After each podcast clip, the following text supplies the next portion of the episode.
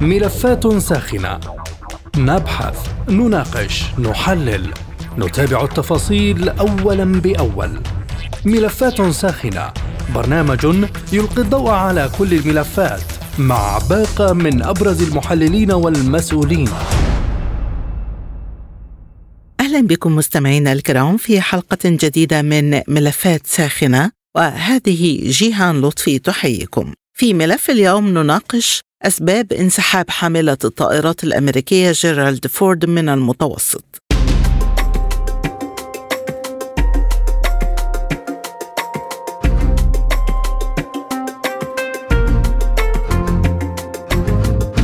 أعلنت وسائل إعلام أمريكية أن حاملة الطائرات الأمريكية جيرالد فورد ستغادر منطقة الشرق الأوسط في الأيام المقبلة.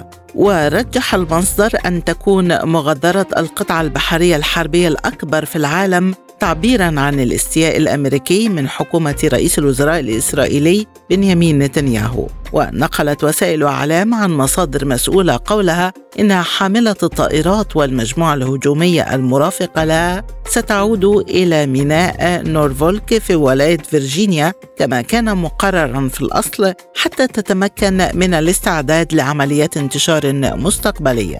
فما هي أسباب انسحاب حاملة الطائرات الأمريكية جيرالد فورد من شرق المتوسط؟ كانت حاملة الطائرات قد أرسلت إلى منطقة شرق المتوسط في أعقاب اندلاع الحرب بين إسرائيل وحماس في أكتوبر الماضي. وتعد فورد أحدث وأكبر حاملة طائرات تابعة للبحرية الأمريكية وكانت تقترب من نهاية أول انتشار عملياتي لها عندما أعيد توجيهها إلى شرق البحر المتوسط في اليوم التالي لهجوم حماس على مستوطنات غلاف غزة في السابع من أكتوبر. وأرسل وزير الدفاع لويد أوستن حاملة الطائرات فورد ورافقتها خمسة سفن أخرى لردع حزب الله في لبنان وإيران عن توسيع الصراع إقليميا حسبما أفادت مصادر أمريكية. وقال وزير الدفاع الأمريكي آنذاك إنها جزء من الجهود الأمريكية لردع الأعمال العدائية ضد إسرائيل أو أي جهود تهدف إلى توسيع هذه الحرب.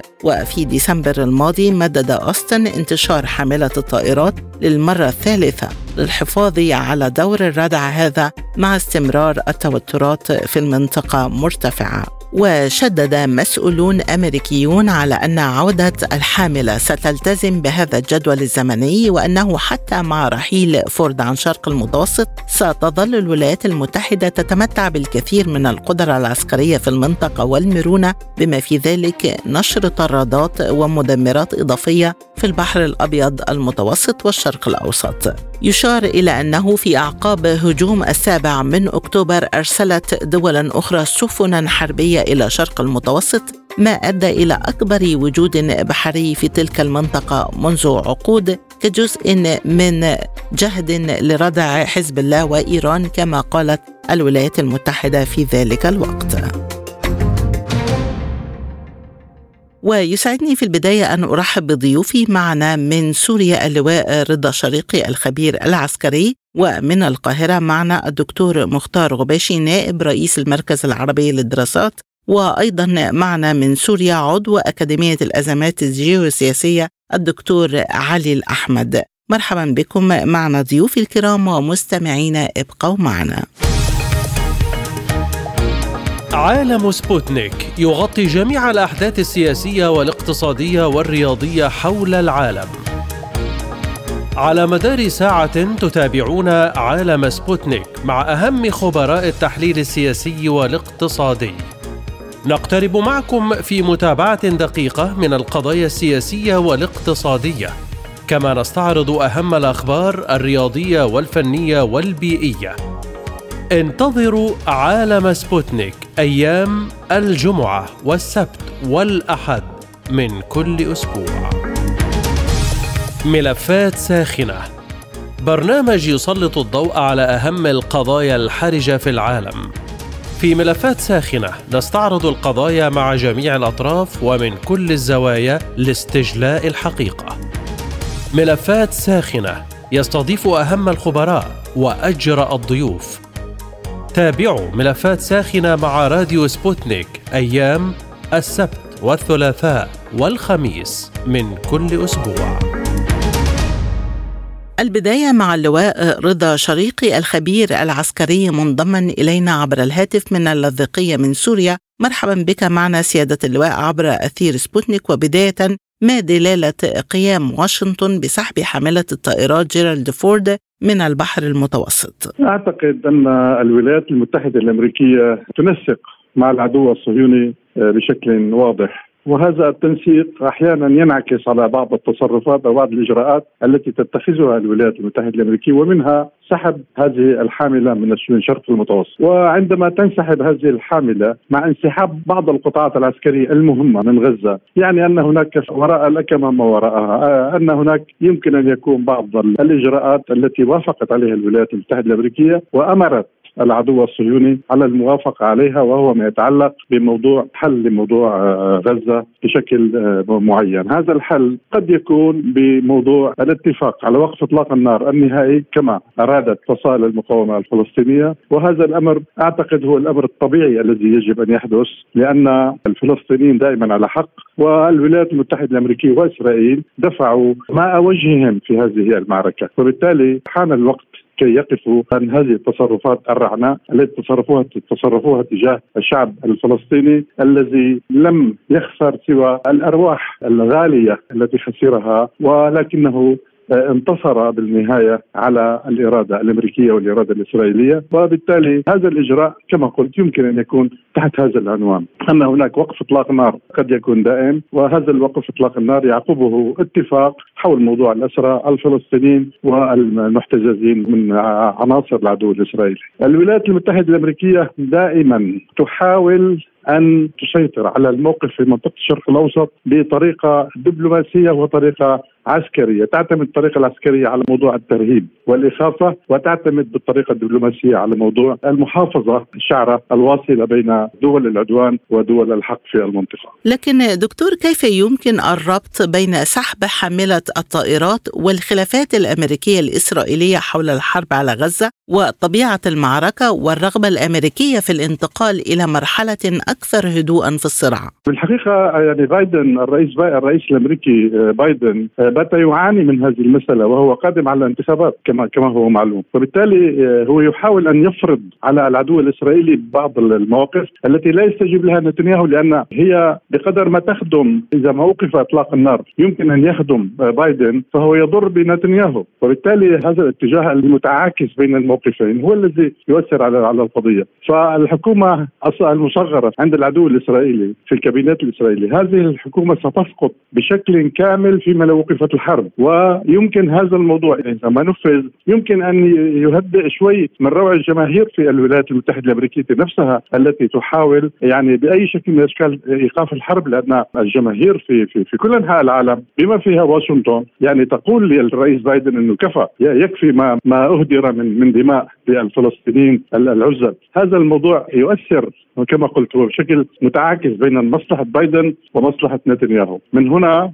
من هنا يمكن العدو الأمريكي يمكن أن يضغط على هذا العدو المتعجرف الإسرائيلي ويهدئ من قواعد الاشتباك وبالتالي يمكن الانطلاق إلى حالة لحل سياسي. اذا برأيك دكتور هل أدى الانقسام الداخلي في إسرائيل إلى فقدان الثقة في سياسات نتنياهو من قبل الولايات المتحدة وبالتالي تراجع الدعم الأمريكي؟ قولا واحدا هذا هو الذي يحصل الدعم الأمريكي سيتراجع امام الضغط الجماهير في الولايات المتحدة الأمريكية وفي العالم ومن ناحية من أجل مصلحة الرئيس بايدن. هذا من الجانب الأمريكي، أما الجانب الإسرائيلي أيضا هناك ضغوط على الحكومة الإسرائيلية لإيقاف هذه الحرب من قبل آه، أهالي آه، من قبل المواطنين بشكل عام الإسرائيليين الذين هاجر الكثير منهم خارج إسرائيل ومنهم آه، أهالي المخطوفين أيضا أو المحتجزين، هذا الضغط يؤثر بشكل كبير على الحكومة على الحكومة الإسرائيلية المصغرة، فالعاملين يتجاذبان الموقف بشكل عام ويعني يفرضان الأمر الواقع على العدو الإسرائيلي وعلى الامريكي الامريكيين. أخيرا سيادة اللواء ما تأثير هذه الخطوة على سير العمليات العسكرية وعلى توفير الغطاء البحري العسكري لإسرائيل؟ يعني أنا كنت أعتقد أن العدو الأمريكي والبريطاني والفرنسي والإيطالي وهؤلاء هذه هذه الدول التي اجتمعت وأرسلت بوارجها إلى البحر المتوسط. كانت تريد أو كانت تتوقع أن هذه هذه المعركة ستتدحرج إلى أن تكون حرب إقليمية، ولكن الجميع فكر في موضوع نتائج هذه الحرب الإقليمية بما فيها العدو الإسرائيلي نفسه، ففكروا أن هذه الحرب إذا ما تدحرجت إلى حرب إقليمية شاملة سيكون هناك يعني تطورات خطيرة جدا على الجميع، وبما فيهم الولايات المتحدة الأمريكية نفسها، الولايات المتحدة الأمريكية يعني تخسر ليس فقط عسكريا، تخسر بكل ما تعني هذه الكلمة، لأنها يعني تؤكد عدم مصداقيتها مع الشعوب في المنطقة وأنها لا تستطيع حماية أحد وخاصة عندما تكون الشعوب هي صاحبة القرار في أي في أي نشاط يحصل في هذه المنطقة. فالفلسطينيين أثبتوا ذلك واليمنيين أثبتوا ذلك واللبنانيين أثبتوا ذلك والعراقيين أثبتوا ذلك وبالتالي على الولايات المتحدة أن تغير من نهجها العام الذي يقوم على دعم الخطأ في المنطقة. وأعتقد أن الأمور ستسير باتجاه التهدئة في هذه المرحلة كي لا يكون هناك تطورات آه، يعني تخدم فقط جهة معينة أو أشخاص معينين كما كما ذكرت. وبالتالي يمكن أن يكون الحل القادم هو حل لصالح آه، آه، الأمن والأمان والسلام في المنطقة على أن تلبى حاجة المواطن الفلسطيني والشعب العربي بكل بكل مكان لأن العرب دائما هم أصحاب الأرض ولا يريدون من العدو الأمريكي أو العدو الإسرائيلي أي شيء سوى أن يكون هناك استقرار في المنطقة وأن تكون الحقوق عائدة لأصحابها. من اللاذقيه الخبير العسكري والاستراتيجي اللواء رضا شريقي كنت معنا شكرا جزيلا لهذه الإيضاحات.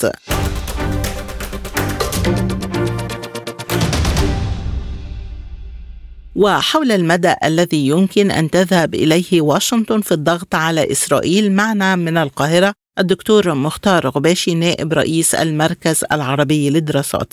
مرحبا بك معنا ضيفا عزيزا عبر أثير سبوتنيك. دكتور مختار بداية ما أسباب سحب واشنطن حاملة الطائرات جيرالد فورد من شرق المتوسط؟ وهل يشي هذا بوجود خلافات مع إسرائيل؟ لا نستطيع آه، أن نقطع آه، بوجود خلاف جوهري بين الولايات المتحدة الأمريكية وما بين إسرائيل، آه، صحيح هناك تباينات في بعض المواقف الخاصة بإيقاف إطلاق النار أو مسألة الهدنة الإنسانية أو مسألة ماذا بعد إيقاف إطلاق النار أسئلة كثيرة جدا بتدور رحاها أو طريقة إدارة نتنياهو ومجلس الحرب لمسألة العدوان الإسرائيلي على قطاع غزة. كل هذه الأمور هناك تباينات بشأنها لكن عندما نتحدث عن دولة زي الولايات المتحدة الأمريكية تستثني إسرائيل في صفقتين أسلحة آه واحدة يوم 9 ديسمبر والأخرى تقريبا يوم 26 27 ديسمبر آه دون مرور بالطرق المعتادة من الكونجرس الأمريكي أو موافقة مجلس الشيوخ أو غيره. آه، على هاتين يعني الدفعتين أو الصفقتين. وحتى خرج كثير جدا من أعضاء آه، مجلس الدفاع الأمريكي داخل مجلس الشيوخ على رأسهم تيم كين الذي تحدث بأنه تمرير صفقة أسلحة دون مرور بالكونجرس الأمريكي يجعل الشعب الأمريكي في الظلام. يبقى بنتحدث عن دولة فوق يعني العلاقات الموجودة فيما بينهم فوق كل شيء. ومعلوم وما تم تسريبه 230 طائرة شحن علاوة على 30 باخرة ذهبت بالكثير جدا من المساعدات الأمريكية إلى إسرائيل من وقت 7 أكتوبر حتى هذا التاريخ. اذا إحنا نتحدث عن دولة تقف بقوة وبشدة بجانب إسرائيل لكن واقع الصراع ومفاجأة المقاومة الفلسطينية لإسرائيل وللولايات المتحدة الأمريكية بهذا الصمود آه، الأسطوري على مدار 90 يوم لم تسقط غزة ولم تستطع إسرائيل أن تسيطر عليها والراشقات الصاروخية تخرج بين حين وآخر من غزة إلى تل أبيب وإلى عسقلان وإلى سيدروت وإلى غيره من المدن الإسرائيلية. أنا متصور إنه مطلوب آليات تعامل جديدة مع هذا العدوان أو مع هذا الصراع من قبل إسرائيل ومن قبل الولايات المتحدة الأمريكية وربما يكون هذا هو سر التباينات الموجودة ما بين الدولتين، لكن الولايات المتحدة الأمريكية مع إسرائيل شكلا وموضوعا وقلبا وقالبا وبكل المعايير. طيب دكتور دخول حاملة الطائرات لشرق المتوسط كان رسالة لإيران بحسب التصريحات الأمريكية للأطراف الإقليمية حتى لا تشتبك مع إسرائيل في هذه المرحلة برأيك دكتور هل يمثل سحب الحاملة رسالة معاكسة للأطراف الإقليمية؟ أنا لا أتصور ذلك لأنه أنا وجهة نظري أن وجود الحاملة آه، مش معناها منع آه، لأي مواجهة ما بين إيران آه، أو ما بين الميليشيات التابعة لها وإسرائيل والدليل على ده إنه في ظل الحاملة المناوشات بين حزب الله وما بين إسرائيل لم تنتهي، حالات التعدي التي أتت من قبل الميليشيات الإيرانية داخل العراق وداخل سوريا على بعض القواعد العسكرية الأمريكية زي قاعدة عين الأسد أو قاعدة الحرير أو غيره من هذه القواعد كانت موجودة. والمناوشات بين حزب الله وما بين إسرائيل تتصاعد رحاها وتهبط آه، آليات المواجهة ما بين الطرفين طبقا لمقتضيات آه، أنا متصور إنه كلا القوتين ما عندهمش رغبة آه، في تصعيد هذا التوتر آه، ما بين حزب الله وما بين إسرائيل. ناهيك عما فعله الحوثيين في مسألة حركة الملاحة البحرية وتهديد هذه الملاحة والضغط الذي مورس من قبل على الولايات المتحدة الأمريكية من قبل كثير جدا من القوى الإقليمية والقوى الدولية بأن تأخذ موقف يعني عادل أو بشكل ما في هذا العدوان الإسرائيلي على قطاع غزة لكن ما زال الحوثيين الحوثيين موجودين وهناك عمليات احتكاك كثيرة وإحنا شفنا تأثير الملاحة البحرية بشكل عام وشركة زي شركة ميرسك حولت بواخرها إلى طريق رأس الرجاء الصالح ثم أعادت هذا الموضوع ثم أوقفت ده مره أخرى لمده 48 ساعة وغيره من الشركات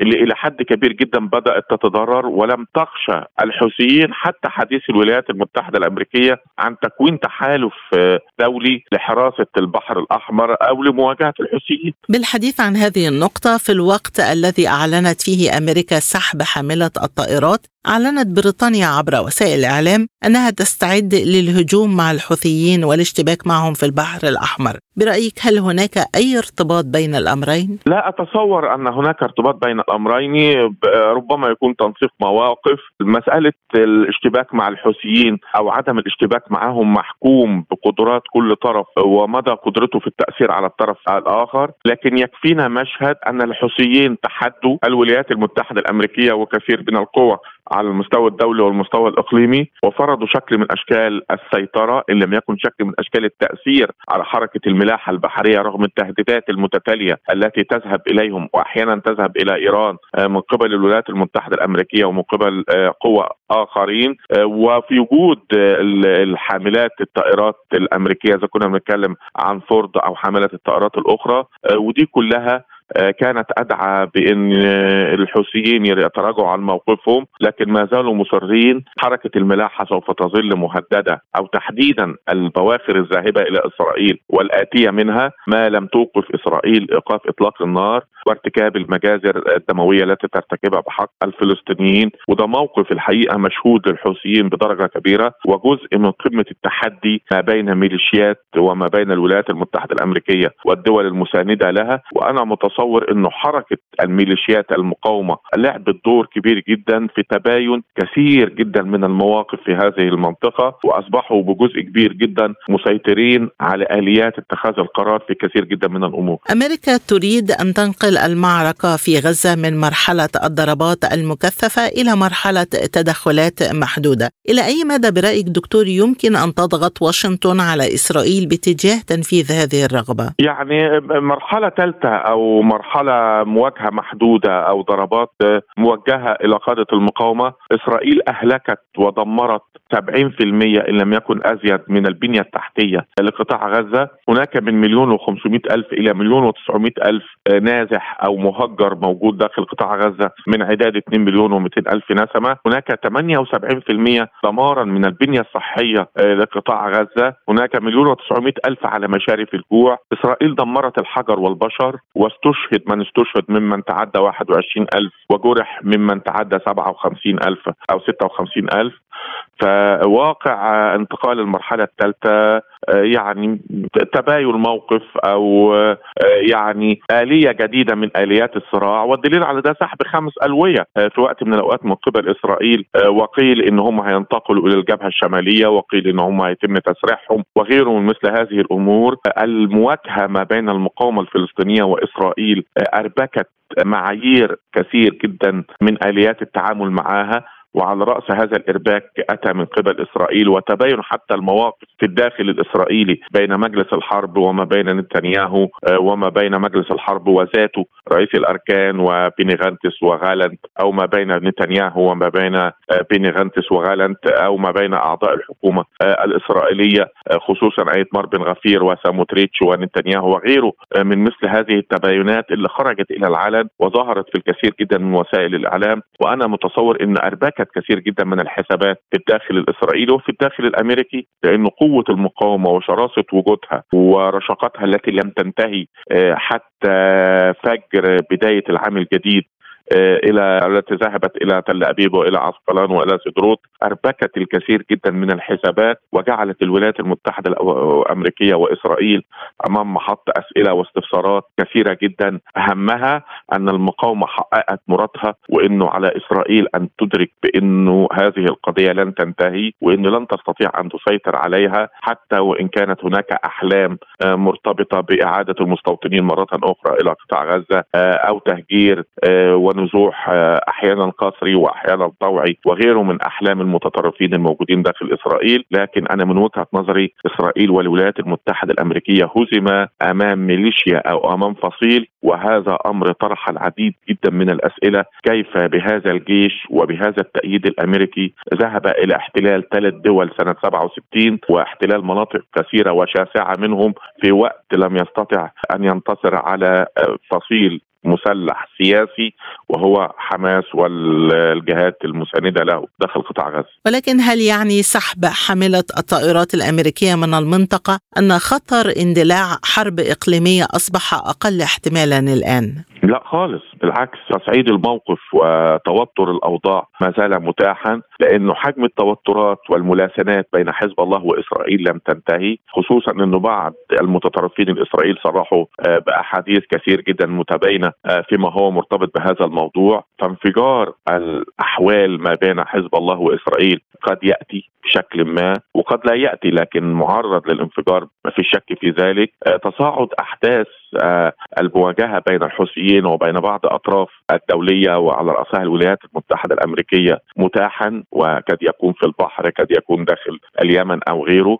حركة الميليشيات اللي إلى حد كبير جدا ما زالت تمارس مناوشات انشدت من وتيرة التحديات أو المواجهات مع هذه القواعد العسكرية الأمريكية الموجودة في الداخل السوري أو العراقي آه، ما زالت متاحة، كلمة السر الأساسية التي سوف تنهي كل ده هو إيقاف إطلاق النار ايقافا نهائيا وبداية مفاوضات جادة خاصة بالإفراج عن الأسرى والمعتقلين، الأسرى لدي المقاومة والمعتقلين والمقبوض عليهم لدي إسرائيل وأن تقر الولايات المتحدة الأمريكية وإسرائيل أن هذه القضية مهما مورس عليها من ضغوط لن تنتهي. ولن تنجح إسرائيل ولا الولايات المتحدة الأمريكية في انهائها. دكتور بيان الإعلان عن سحب الحاملة قال إنه جاء حتى تتمكن من الاستعداد لعمليات الانتشار المستقبلية، برأيك هل تلوح واشنطن بهذا بالعودة إلى المنطقة مرة أخرى أم أنها تشير إلى عمليات أخرى ربما في منطقة أخرى؟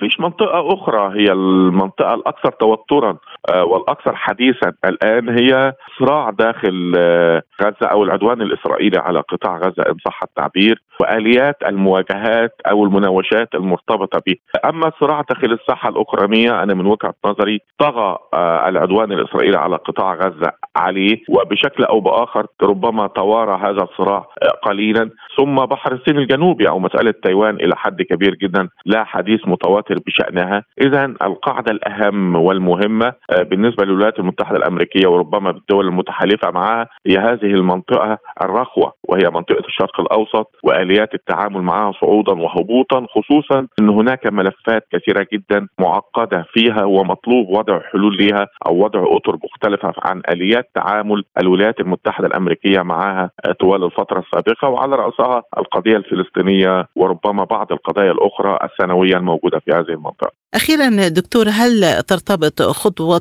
سحب حامله الطائرات بالانتخابات الأمريكية ورغبة بايدن بالنأي عن نفسه عن تشدد اليمين خاصة في ظل تخبط حكومة نتنياهو والمعارضة التي واجهها في الداخل؟ نتنياهو متورط وبلينكن الذي تحدث عن نفسه يهوديا مرة وصهيونيا مرة أخرى متورط واستن مرتبك والمظاهرات في الداخل الأمريكي وصلت إلى منزل بلينكن وإلى منزل اوستن والولايات المتحدة الأمريكية متورطة بتأييد لا حدود له لإسرائيل في ظل ضعف في الاتجاه الآخر من قبل القوى المساندة له، أقصد أن المعادلة وإرباك هذه المعادلة هي تأتي من خلال التأييد بلا حدود من قبل الولايات المتحدة الأمريكية والدول المساندة إلى إسرائيل والضعف بلا حدود من قبل الدول المساندة للمقاومة والتي لا تجرؤ على أن تصل إلى حجم مساعدات تحتاجه المقاومة أو يحتاجه قطاع غزة. ده ده دي معادلة مرتبكة ولكن الداخل الأمريكي وتورط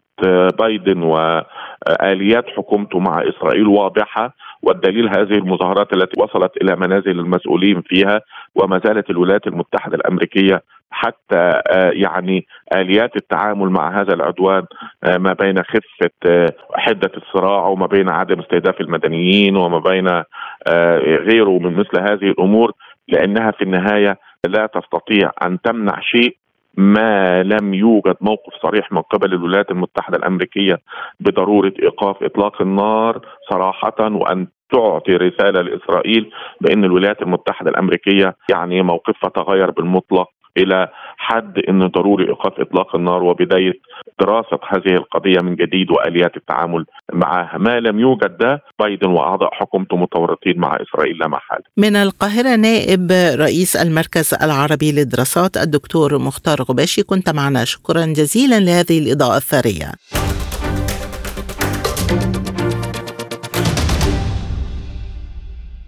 وحول موضوع حلقة اليوم معنا عبر الهاتف من دمشق الدكتور علي الأحمد عضو أكاديمية الأزمات الجيوسياسية أهلا بك دكتور علي وسؤال حلقة اليوم ما أسباب انسحاب حاملات الطائرات الأمريكية جيرالد فورد من شرق المتوسط؟ تحياتي لكم ولكل مستمعيكم الكرام وأتمنى أن يكون هذا العام هو عام خير على كل المستمعين. هو عام راح يكون عام صعب راح يكون عام مفصلي حقيقة في العلاقات الدولية. وإذا كنا نناقش مسألة انسحاب حاملة الطائرات من المتوسط. أنا أعتقد أنه هذا الأمر مرتبط بالانتخابات الأمريكية. هي تحضير للانتخابات الأمريكية. لا يريد الرئيس الأمريكي أن يحمل حاله نفسه مسؤوليات كبرى. أه نحن نعرف أنه الانتخابات الأمريكية أصبحت عمليا على الأبواب. تحضيرات للترشيحات وللدويات اللي بده يكون بين المرشحين. يجب أن يكون هناك استعداد لهذا الأمر. وهناك حراك ضمن الولايات المتحدة الأمريكية يحمل إلى حد لا بأس به أو حتى إلى حد كبير مسؤولية ما يجري في الأرض المحتلة من في يد يقدمون كل الدعم لإسرائيل حتى بدون أخذ رأي الكونغرس. تم إرسال كمية كبيرة من الذخائر والأسلحة للجيش الإسرائيلي. فمن هذا الجانب يمكن أن يقال للوبيات الضاغطة أو لوبيات الضغط في الولايات المتحدة الأمريكية الداعمة للكيان بأنهم لم يقصروا على الإطلاق وهم فعلا لم يقصروا. من جانب آخر للوبيات المستحدثة وفيها الكثير من الأفارقة والعرب وإلى آخره أيضا بأنهم سحبوا حامل الطائرات. ولكن الولايات المتحدة الأمريكية ذاهبة إلى النهاية في هذا الموضوع ولن تتراجع. منطقة الشرق الأوسط بين قوسين هي منطقة سوف تحاول الولايات المتحدة الأمريكية أن تزيح روسيا منها وهذا واحد من الأهداف الكبرى بالنسبة للولايات المتحدة الأمريكية. وحتى إذا حاولت أن تعيد بناء علاقات مع إيران سوف تكون غايتها الرئيسية حقيقة هي إزاحة روسيا والصين من هذه المنطقة. من دمشق الدكتور علي الأحمد عضو أكاديمية الأزمات الجيوسياسية. كنت معنا شكرا جزيلا لهذه الإضاءة الثرية. بهذا مستمعينا الكرام نأتي إلى ختام حلقة اليوم. تحدثنا خلالها عن القرار الأمريكي بسحب حامله الطائرات الأمريكية جيرالد فورد من شرق المتوسط خلال الأيام المقبلة. فيما اعتبره مسؤولون أمريكيون تعبيرا عن الاستياء الأمريكي من حكومة رئيس الوزراء الإسرائيلي بنيامين نتنياهو. كنت معكم جيهان لطفي وللمزيد زوروا موقعنا على الإنترنت سبوتنيك dot AE. شكرا لطيب المتابعة وإلى اللقاء. مستمعينا بهذا نصل وإياكم إلى نهاية هذه الحلقة من برنامج ملفات ساخنة. طابت أوقاتكم وإلى اللقاء.